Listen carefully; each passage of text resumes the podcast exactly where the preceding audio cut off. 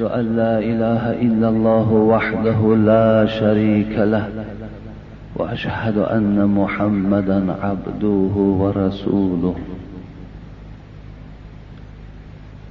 السلام عليكم ورحمة الله وبركاته. پیش از آنی که جمعه امروزه را آغاز نماییم.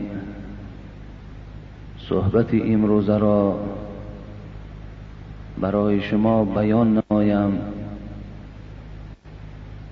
می‌خواستم که آغاز این صحبت را هم از سخنهای خیلی قیمت و گوهربار حضرت عمر رضی الله عنه آغاز کنم. زیرا که امروز جمعه ما بخشیده به حیات و فعالیت این دویم یار پیغمبر خدا می باشد. از این خاطر خواستم آغاز صحبت را هم از سخنهای خیلی والای این حضرت آغاز نمایم. قال عمر ابن الخطاب رضي الله تعالى عنه لو أن الشكر والصبر بعيران ما بليت أيهما ركبت.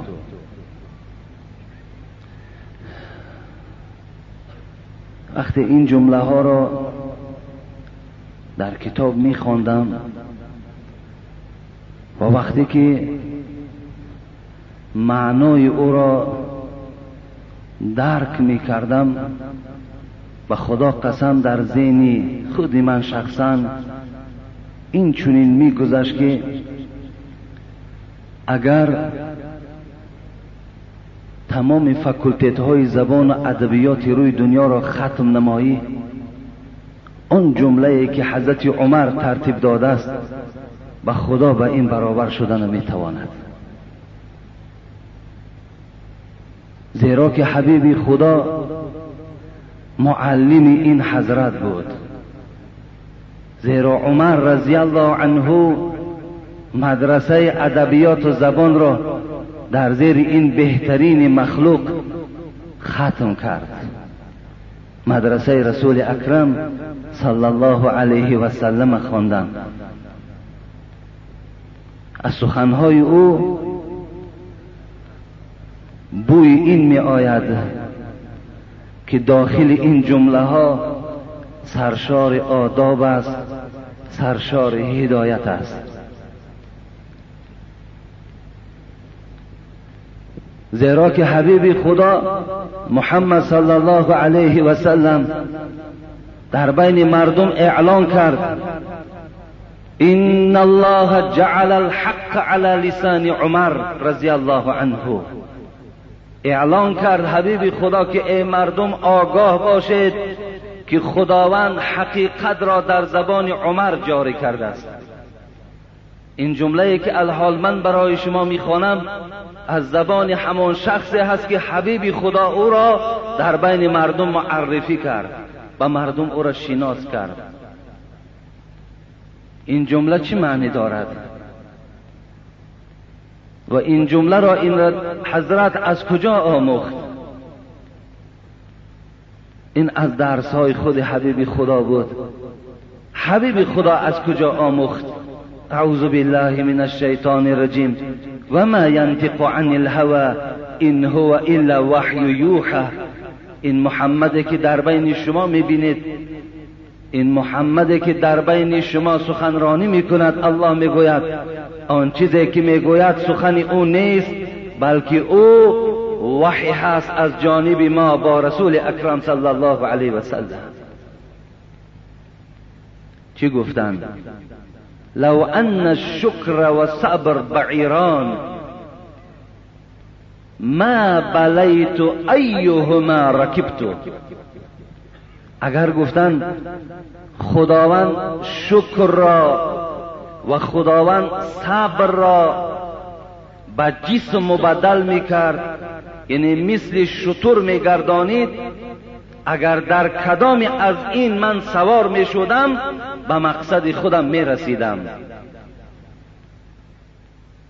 من برای شما بیان عادی کردم بیان ساده کردم که اگر خداوند آن شکر که ما می‌گوییم خدا را شکر یا آن صبر که ما و شما داریم حضرت گفتن اگر خداوند همین را به اشتر مبدل میگردانید و نام یکی این را صبر و نام دیگری او را شکر می‌گذارید اگر در بالای کدام از این من سوار می شدم به مقصود خود می رسیدم اگر ما همچنان سخنرانی حضرت گوش اندازیم فکر می‌کنیم که شاید حضرت عمر صبر نداشتند.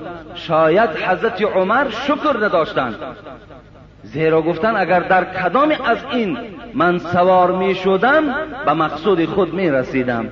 البته حضرت عمر به مقصود خود رسیده بود. رسول اکرم صلی الله علیه و سلم ده یار بهشتی داشت. یکی از آنها عمر رضی الله عنه بود. گفت یا عمر انت فی الجنه عمر من برای تو بشارت می‌دهم که در حیات چند سالی که حیات می‌بینی عاقبت تو جنت می‌روی. این بشارت رسول اکرم صلی الله علیه و سلم به عمر بود. لیکن حضرت عمر در این سخنرانی خود خاکساری خود بیان می سازد که من شخصی بودم که شکرانه خدا را به جان آوردم. شخصی بودم که در آفت ها و مصیبت های خداوندی صبر نورزیده بودم. این یک عادت خاکسارانه حضرت عمر بود. این تعلیم است والله که برای تمام آن کسانی که امروز آبرو دارند برای تمام آن کسانی که منصب دارند برای آن کسانی که امروز مال دارن این عبرت است این درس است که باید تو خاکسار باشی تو باید عادی باشی. هر چی باشی باید که خودت را عاجز نشان دهی. این درس حضرت عمر برای تمام پیشواها بود. خدا رحمتش کند بار بالای منبر برآمد. منبری که ما داریم این منبر به خدا قسم ارزنده نیست ما بالای این سوار شویم. لیکن حضرت یک منبر خاکسارانا داشتند. بالای منبر برآمد. تمام مردم در اطراف او جمع شد زمانی که وی خلافت در دست داشت زمانی که پادشاه بود زمانی که اکثر دنیا در زیر تصرف حضرت عمر بود زمانی که تمام دنیا از سیاست عمر میلرزید و میترسید. بالای منبر برآمد. گفت چی گفت؟ تو همان عمر هستی که با یک مشت خرما گوسفندهای خالت می چرانیدی پایان شد از منبر. همه حیران شدند. این چی سخن بود برای یک جمله؟ تمام این قدر انبوهی مردم جمع کردند. حضرت رفت در یک گوشه مثل یک آدمی خاکسار و عادی نشست. کسی دلاور نمی‌شد پیش عمر آید. حضرت عبدالرحمن ابن عوف از جای خود خیست آمد گو عمر گفت مردم در تعجب افتادند. می‌خواهند که این جمله تو را فهمند. این سخنی تو چی معنی داشت؟ تو شخصی بودی که در اول حیاتت با یک مشت خرما گوسفندهای خالت میچرانیدی. گفت عبدالرحمن آگاه باش گفت من یک زمان با نفس خودم تنها ماندم در خانه. نفسم بر من گفت تو امیر المؤمنین هستی تو پادشاه هستی تمام ملک در دست توست.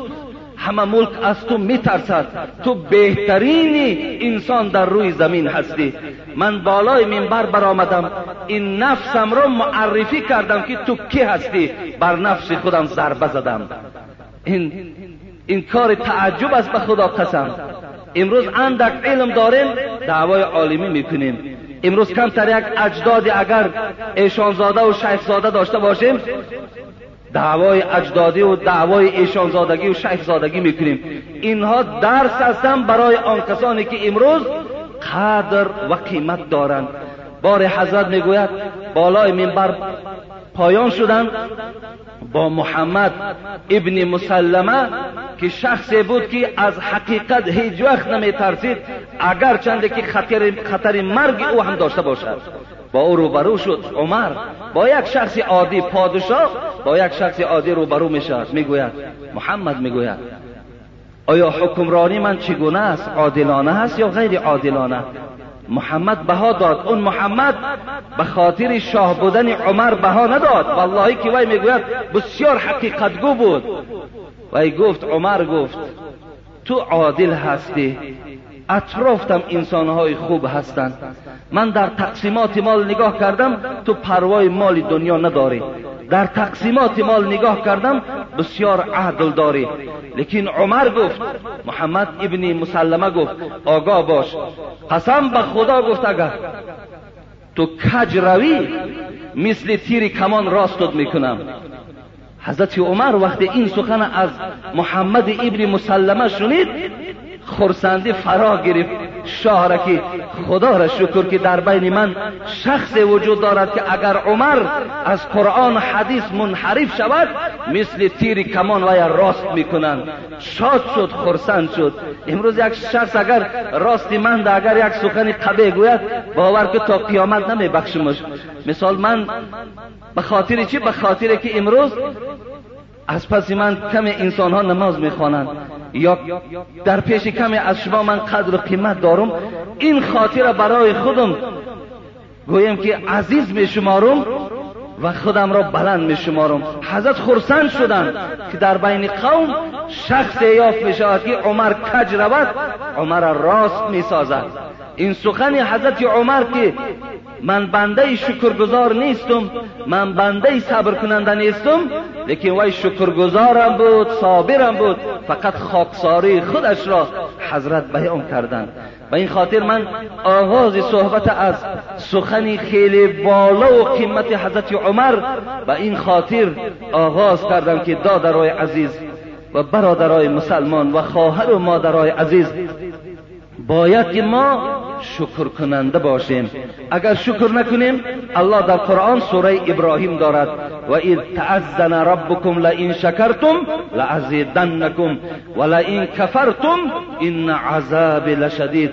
خدا می‌گوید که اگر بندگان من شما بسیار ضعیفین بسیار ناتوان هستین آنقدر نعمتی که برای شما دادم باز شکرانه کنین زیاد میگردانم. لیکن اگر در برابر این های دادگی من شکر نکنید عذاب من بالای شما بسیار سخت می آید شکر چیست؟ شاید بعضیا سوال کنن شکر چی باشد؟ شکر حضرت جنید شیخ جنید رحمت الله علیه می‌گوید وقتی که من هفت ساله بودم عمک مرا حج برد. در حج با شیخ های خیلی بزرگ نشستم اطراف شکر بحث و مناظره آغاز شد. همه فکر خود بیان کردند لیکن وقتی که از من پرسیدن ای بچه هفت ساله تو چی می‌گویی؟ شکر چی معنی دارد؟ جنید می‌گوید جواب گفتم که از جانب شیخ ها صدای الله اکبر بلند شد. این چی بود؟ این بود که کسی که در برابر نعمتهای پروردگار دادگی گناه میورزد اون ناشکر هست او شکر خدا را به جان آورده است. برادرای عزیز و گرامی شما انسان شکر کنید که خدا شما را انسان کرده است. شما را حیوان آفرید. شما را یگان مخلوق دیگر نکرد. شما هزارها شکر گویید که شما را خداوند عقل داد. عقل. این عقل بسیار نعمت قیمت است. خدا به هر کسم نمی‌دهد. می‌گوید پری تاووس پری تاووس عزیز است به کرگس نرسد. عقل هم چیزی عزیز است به هر کس نرسد. به هر کس هم خدا عقل نمیتید همین عقلی که خدا به شما داده است همین در شکر کنین. عقلتان بها دین که این عقل بود که شما خالقتان شناختین امروز در برابر شما بسیار شخصیت های هستند خدا را نمی‌شناسند. خدا را این کار می‌کنند. شما شکر کنین که از اون طایفه شما نیستین. هزارها شکر کنین که خدا را شکر که عقل و خدا و هدایت شما را به مسجد آورد. در برابر شما بسیار از بندگانی که پروای مسجد ندارند و حتی مسجد زمان می‌بینند که وقتی تابوت شان نزد مسجد میارند شما شکر گوییم که شما از جمله که هستین؟ از جمله کسانی هستین که مسجد میآیین شما شکر گوییم که از جمله کسانی هستین که نعمت خدا را یاد می‌کنین و پنج وقت نمازتان می‌خوانین در برابر شما بسیار از بندگانی که نمازهاشون نمی‌خوانند حتی جان بدجبار تسلیم می‌کنن بار پیشانیش زمین ندیده است. بار سبحان ربی العظیم نگفته است. شما شکر گویید. و از همه نعمت بلند اسلام از خدا به شما داده است. شما برای نعمت اسلام هم به سوی پروردگارتان شکر گذار باشین. این از نعمت هایی که اندکی او را من برای شما بیان کردم. حضرت می‌گوید که شما شکر کننده باشین. و دیگر گفت شما بندگان خدا صابر باشین صبر کننده باشین زیرا این الله یوفى الصابرون اجرهم بغیر حساب. زیرا خدا در قرآن میفرماید که کسی که در دنیا صبر کننده هست الله به عدد به او ثواب بدهد به عدد به او پاداش می‌دهد. بنده همان به که بلاکش بود عود همان به که در آتش بود. بهترین بنده شاعر می‌گوید همان بنده هست که بلا را می‌کشد مصیبت می‌بیند عذاب می‌بیند درد می‌بیند رنج می‌بیند. والله که کتاب خدا می‌گوید من رنج و مشقت ما بالای بندگان عزیز میارم تا که صبر کنند پاداش برای اونها نصیب گردانم.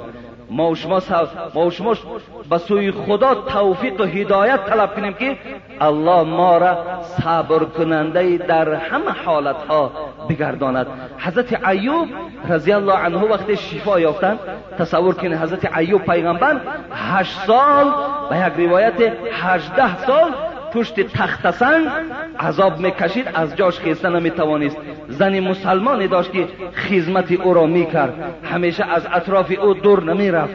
مثل امروز بعض مردهایی که از زنهای خود در حالت بیماری شکایت می‌کنند که از حال ما خبر نمی‌گیرد پروای ما ندارد این زن ایوب برای تمام مادرها درس است.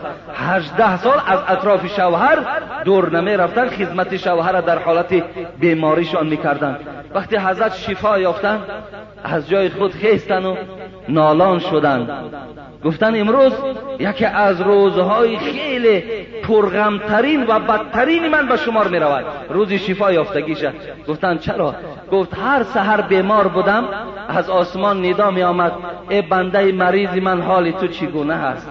امروز صحت شدم از آسمان صدا آمد که ای بنده بیدرد من حال تو چگونه هست؟ از صدای آسمانی محروم شدم. می‌خواهم که همون بلایی که به سر من بود همون بلا دوباره بالای من آید. دوستای خدا بلا را طلب می‌کردند. می‌دانستند که بلا به خودش پاداش داشت. بلا به خودش چی داشت؟ اجر داشت. از این خاطر حضرت عمر ما را در سخنرانی چی گفتند؟ تأکید کردند که ای بندگان خدا همیشه شکرگزار باشین. و همیشه چیکار کنین با صبر باشین بنده در این عالم دلی بیغم نباشد. اگر باشد دلی آدم نباشد. دنیا همه دل درمند است همه دل درد دارد. هر خاندان مصیبت دارد هر یک انسان مشقت دارد. لیکن وقتی شما صبر می‌کنین خداوند همراه شما هست. حتی ما را تأکید می سازد یا ایها الذین آمنوا استعینوا بالصبر والصلاة ان الله مع الصابرین. ای کسانی که دعوای ایمان دارید وقتی که بالای شما درد و عذاب آمد از خداوند کمک طلب کنید. به چی؟ به نماز و به صبر. نماز خوانین صبر کنین از خدا کمک طلب کنین. پروردگار همراهی شما می باشد از این خاطر از خداوند خواهان او هستم که همه ما و شما را بنده با شکر گرداند همه ما و شما را بنده های با صبر گرداند. و صبر در مفسرهای قرآن میگن دو خیل می شود صبر بر طاعت و صبر بر معصیت. در طاعت صابر باشین. هر زمانی که چه حالتی که رخ دهد شما از طاعت پروردگار بیراه نشوین. همیشه در طاعت پروردگارتان صابر باشین. و صبر در معصیت چیست؟ صبر در گناه این است که وقتی گناه در پیش شما خودش را جلوه داد شما صبر کنین و بر گناه نزدیک نشوین. صبر دو خیل می شود. خداوند از این دو خیل صبر این جمعیت ما را برخوردار گرداند. خدا همه خاندان این مردم مسلمان با شکر و با صبر گرداند. خدای مهربان برای ما آنقدر توفیق و هدایت آنقدر غیرت و قوت نصیب گردانه که در برابر این قدر نعمت که حساب ندارد ما شکرگزار باشیم. ما اجرا کننده طاعت و عبادت تو باشیم. زیرا فردا در پیشگاه تو از جمله شخصانی در خجالت نباشیم. خداوندا محبت ذات خودت را در دل همه ما بندگانت جایگیر بگردان. خدایا حیبت و ترست را در دل ما خدایا جایگیر بگردان. خدایا محبت رسول اکرم محبت ابو بکر محبت عمر محبت عثمان و علی رضی الله عنهم را در دل همه ما بندگانت خدایا جایگیر بگردان. خدایا این ملک ما را باز هم آباد و زیبا بگردان. خدایا همه ناآرامی ها و همه فتنه ها و ناخوشی ها را از این دیار ما از این ملک ما از تمام ممالک اسلامی خدایا برداشته بگردانی. خدایا تمام آن بندگانی که برای بهبودی این دیار این جمعیت سعی و کوشش ها دارند خدایا همگی را در حفظ امانت نگه داری آمین. یا رب العالمین.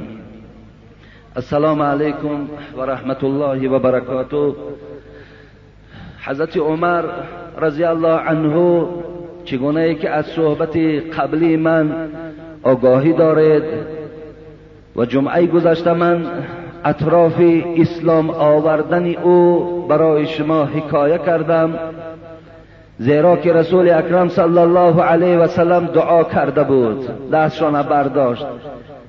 دعای پیغمبرها برادرای عزیز مثل تیری در نشان می‌رسید دعا می‌کرد. اللهم اعیز الاسلام باحب هذین الرجلین ابی جهل ابن حشام او عمر ابن الخطاب. حبیب خدا دعا کرد خدایا این دین اسلام را عزت ببخش قوت بده با دو مرد با این یکی از این دو مرد که به سوی تو محبوب هستند به سوی تو شرف و قدر دارند ابو جهل ابن حشام یا عمر ابن الخطاب. حبیب خدا در حق این دو مرد دعا کرد خدایا با یکی از این که در پیش تو کدام این محبوب است کدام این قدر دارد من نمی‌دانم. خدای به واسطه او اسلام را عزت ببخش. در نزد الله با عزت کی بوده است عمر ابن الخطاب بوده است خداوند دعای پیغمبر قبول کرد و عمر رضی الله عنه را هدایت کرد. پیشگاه پیغمبری خدا آمد ایمان عرضه کرد و مسلمان شد. وقتی مسلمان شد شما سخنرانی شخص نو مسلمان گوش اندازین. مسلمان شد. گفت ای حبیب خدا این کارد می‌بینی که در دست من جلا می‌دهد. من اینا مدت قبلا شاید یک ساعت پیش یا شاید یک چند دقیقه پیش به خاطر از غلافش کشیده بودم که با این سر مبارک تو را جدا می‌کنم. لیکن امروز الله مرا هدایت کرد. الله به من راهی راست نمود. الله امروز محبتی تو را در دل من جای کرد. از این خاطر این کار در غلاف خود جای نمی‌گیرد. و این کار مبارزه می‌برد با سر و شکمی که دشمن تو باشد دشمن قرآن تو باشد این کار به اونها مبارزه می‌برد. ای حبیب خدا این چهره زیبایی که در تو می‌بینم از این چهره زیبا هیچ وقت دروغ بر نمی آید تو حقیقتا پیغمبری خدا هستی. از تو خواهیش می‌کنم آشکارا از جایت خیز. با تمام این مردمی که در خانه این برادر ارقم جمع شدند که صف اونها همگی چند بود؟ پنجا دو نفر همراه حضرت عمر بودند. میریم خانه کعبه. برای تمام این مشرکان اعلان می‌کنیم که اشهد ان لا اله الا الله و اشهد ان محمدا عبده و رسوله. خدا یک و یگانه است. محمد بنده او و فرستاده اوست. این بتهایی که شما پرستش می‌کنین اینها گمراه کننده شما هستند. اینها خدا نیستند. حضرت عمر وقتی که این پیشنهاد کرد حبیب خدا پیشنهاد عمر رد نکرد. از همان روز اسلام عزت یافت. از همان روز اسلام آشکارا شد. برابر حضرت عمر حضرت حمزه هم اما که پیغمبر خدا هم رهنمایی می‌کردند.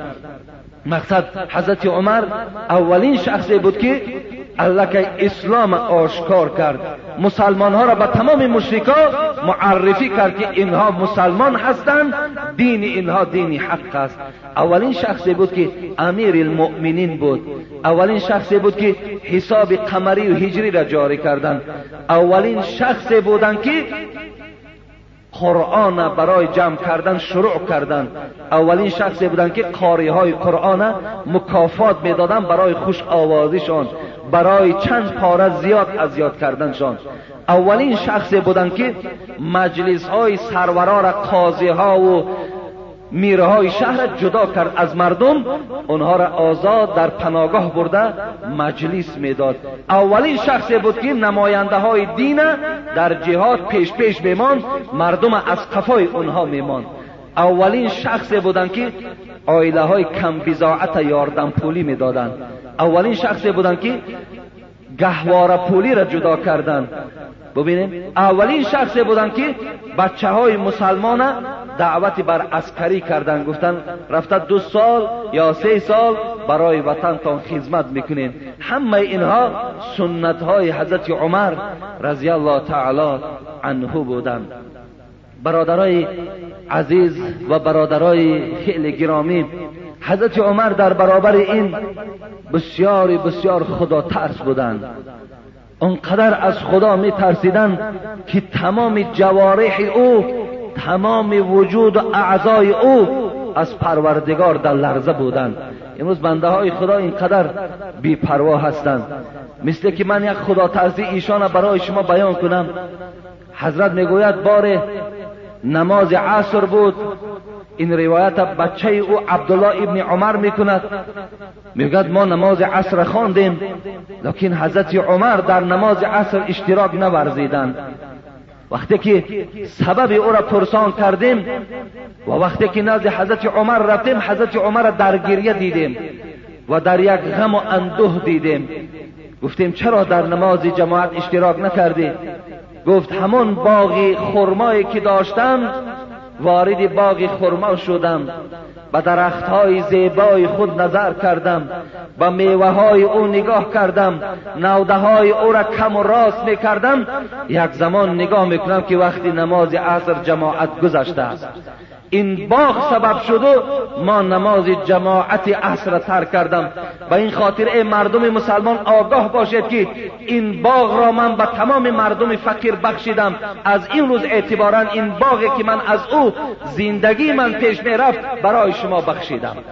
به خاطر چی؟ به خاطر نماز جماعتی که از حضرت عمر ترک شدند امروز بنده های خدا داد می‌زنند گردن بلند می‌کنند الحمدلله ما مسلمان هستیم لکن نماز وقتی نماز گویم تراویح انجام میابد اونها را دیگر در نماز جماعت ما دریافت نمی‌کنیم. حالا که نماز جماعت این تأکیدتر و لازمتر از نماز تراویح است. اگر تو نماز تراویح را در خانه هم که میخواندی گناهگار نمی‌شدی.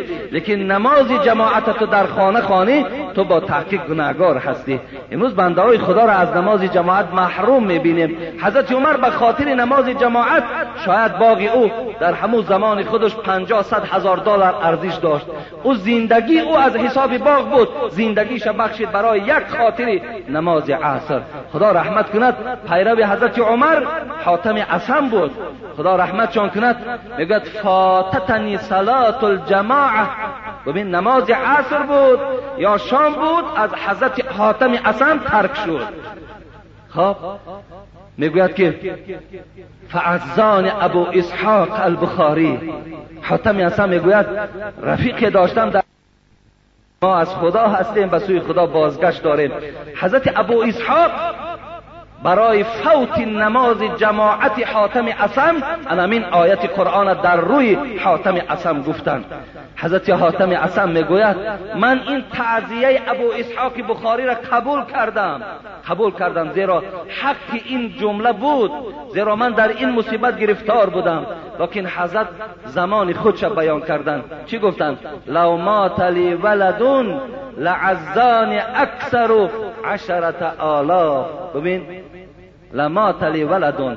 حضرت حاتم گفتن دیگر مردم خواب بود گفت. دیگر مردم نمی‌پرسد که تو در کجا بودی. مثل امروزه آلی جماعت کو یک طرف نماز نمی‌خوانیم. پروای نماز نداریم.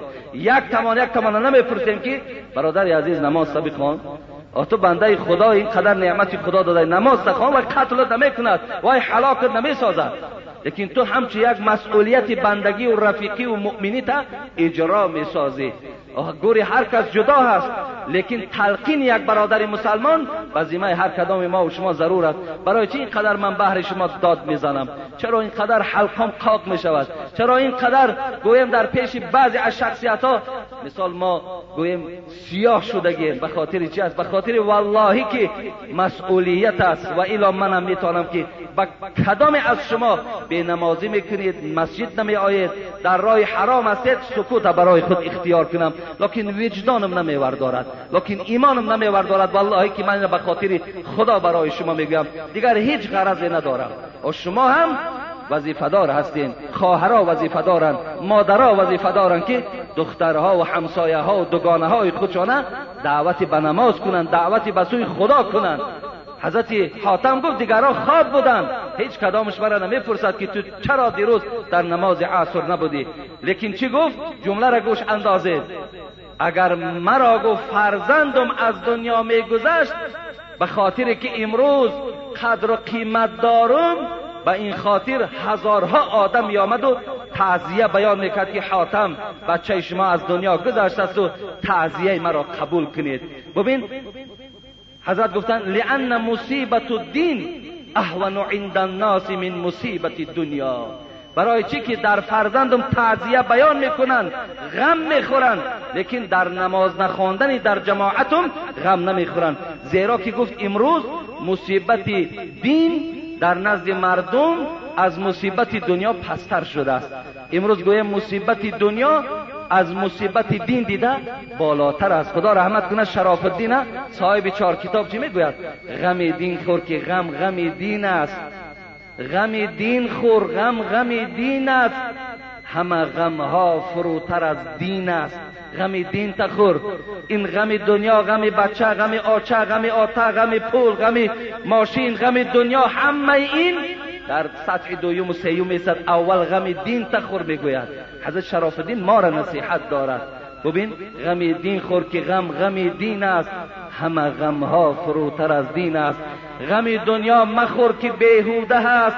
هیچ کس در جهان نیاسوده است. این غم دنیا را نخور پروای غم دنیا نکن که هیچ کس آسوده این دنیا را ندیده است. خدا رحمت کند داماد حضرت عثمان داماد حضرت رسول اکرم دو نور چشم رسول اکرم در دستش بود این حضرت عثمان بود. چی می‌گفت؟ می‌گفت که هم دنیا ظلمتون و هم الاخره نور فی القلب.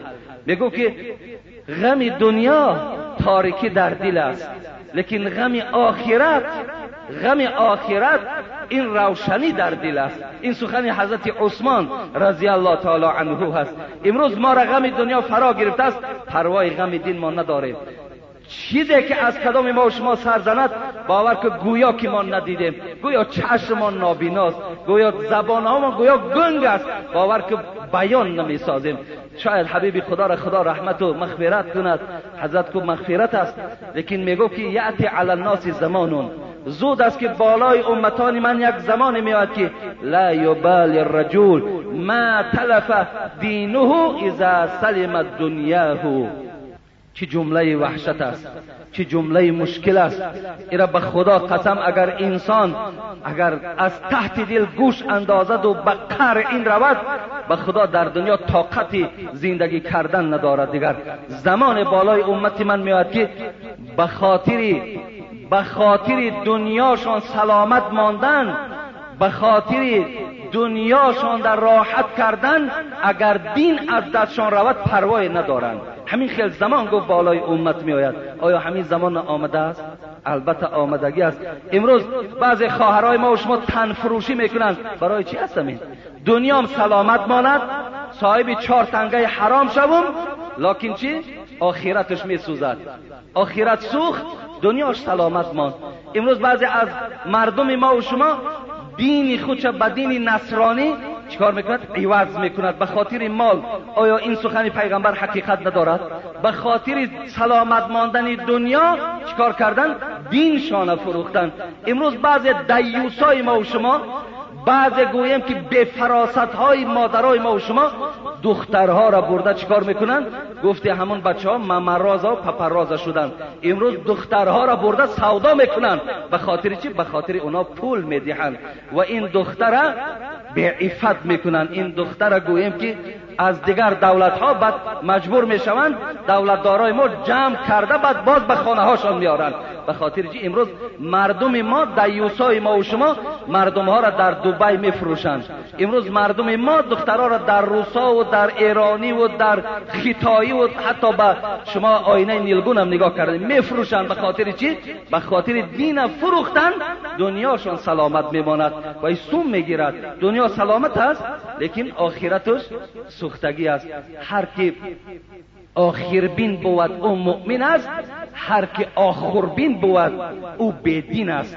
جلال الدین رومی میگه کسی برای آخرجش کسی برای شکمش اگر دینش میفروشد راه نادرست می‌رود او بدین است. لیکن کسی که آخرت نگاه می‌کند وی دیندار است. آیا سخن پیغمبر خدا حقیقت ندارد؟ البته حقیقت دارد. این حقیقت است برادر عزیز و گرامی. امروز گویم بعضی از خواهرای ما و شما زینا را آشکارا کردند لباساشون را عوض کردند. به خاطر چی هست؟ به خاطر دنیا ده سلامت میمانند. آخرتشان از دست داده ایستادهاند.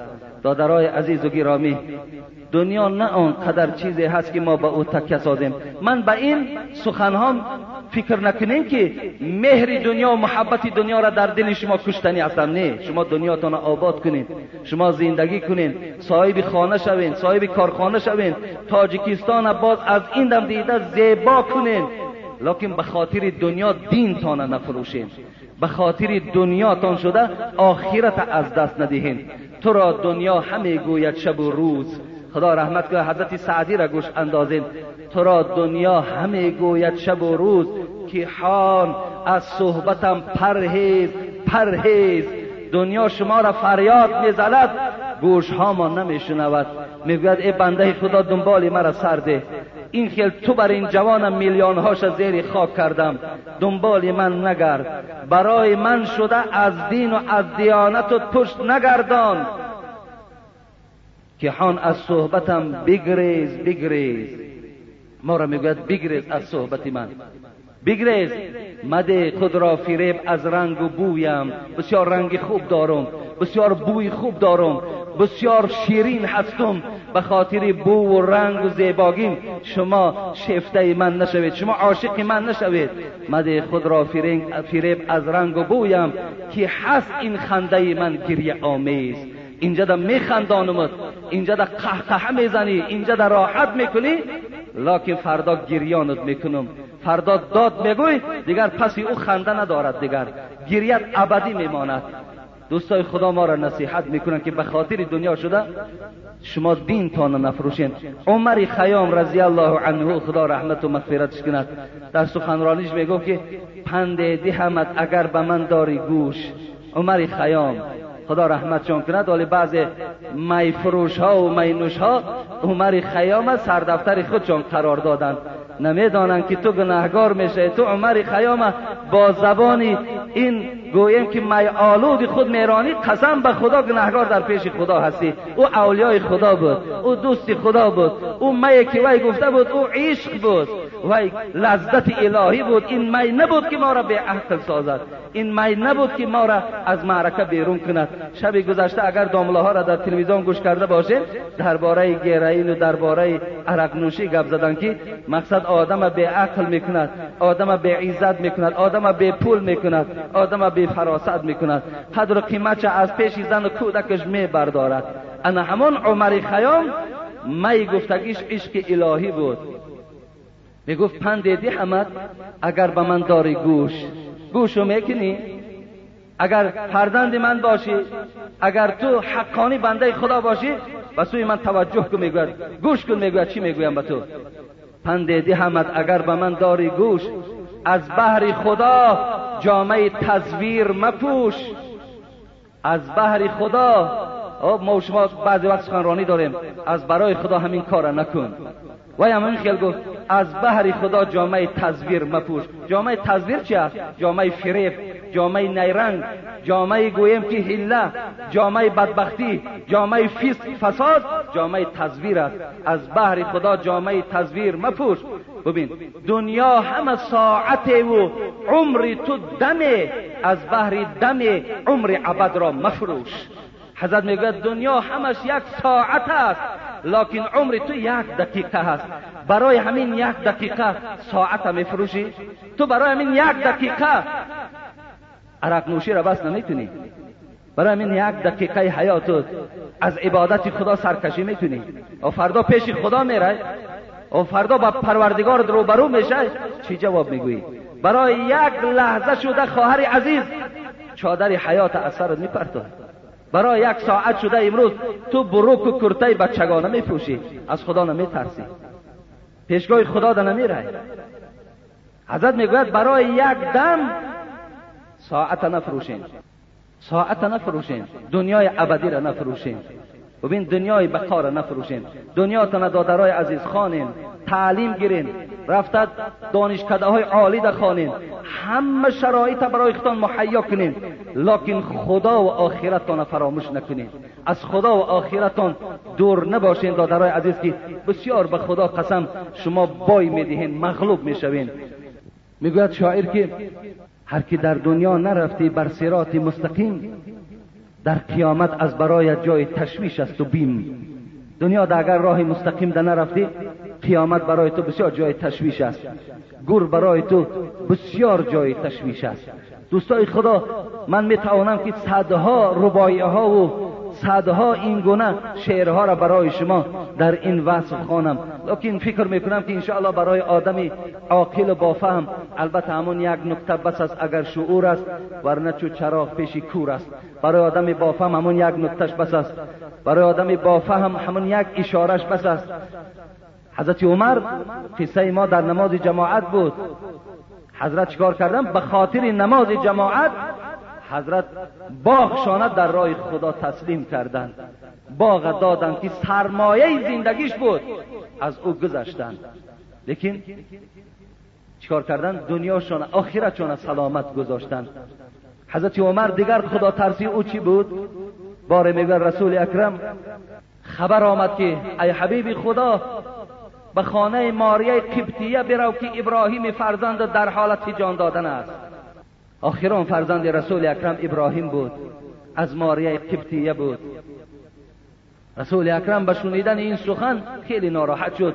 عمر ابراهیم از شش, از شش ماه بالا نبود کودک بود. رسول اکرم صلی الله علیه و سلم می‌گوید دوان به خانه ماریه قبطیه آمدن. دخل نبی صلی الله علیه و سلم علی ابن ابراهیم و هو یجود بنفسه جان می‌داد پرنده عجل در بارای سر حضرت ابراهیم فرزند رسول اکرم پرواز می‌کرد این زمان یا زمان دیگر جان ابراهیم می‌گرفت عبدالرحمن ابن عوف می‌گوید فجعلت عینا رسول الله صلی الله علیه و سلم تزرفان وقتی که ابراهیم بچه شدید رسول اکرم صلی الله علیه و سلم در حالت جان کندن مثل باران می‌گوید از چشمهای حضرت آب دیده ریختن گرفت. آنقدر غم فرا گرفت او را. لیکن چی می‌گفت؟ میگو ابراهیم می‌گفت می‌دانم که پیک عجل به سراغ تو آمده است. روزی که عجل در آید از پیش و پست شک نیست که مهلت ندهد یک نفست یاری نرسد در آن دم از هیچ کست برباد شود جمله و هوای و حوست همون مرگ به سراغ تو آمده است. لیکن من پیغمبر هستم به خدا قسم از دستم چیزی نمی آید که برای تو یک عمر دوباره را زم بگردانم جمع بگردانم. از دست من چیزی نمی آید لیکن حبیب خدا فقط آب چشمش میریخت. عبدالرحمن چی گفت؟ یا و انت یا رسول الله. عبدالرحمن فریاد زد ابن عوف حبیب خدا تو ما را از گریه کردن من می‌کردی؟ می‌بینم اینقدر گریه داری. رسول اکرم به سوی عبدالرحمن گشت گفت انها رحمتون ثم اتبع الاخرى حضرت می‌گوید گفت که عبدالرحمن گفت خدا رحمتت کنه.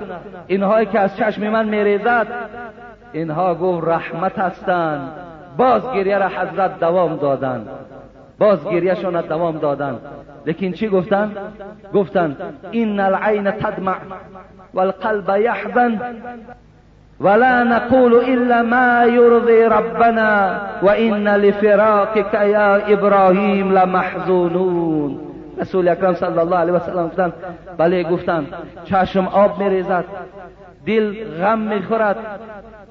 لیکن آن چیزی که به زبانم میرانم آن چیزی هست که از این سخنهای من پروردگارم راضی هست. و این گریه که من دارم این به خاطر جدایی از فرزند آخران خود ابراهیم می باشد این گریه من گفت به خاطر این است. گفت من در زبان خود نه آن چیزی را میرانم که پروردگارم غضبم کند. مثل که امروز معرکه های ما را مادرها خواهرها به گریه و به نغمه و به غزلخانی و به این قناعت نکردن به نوحگری آرا و تارا می‌دهند.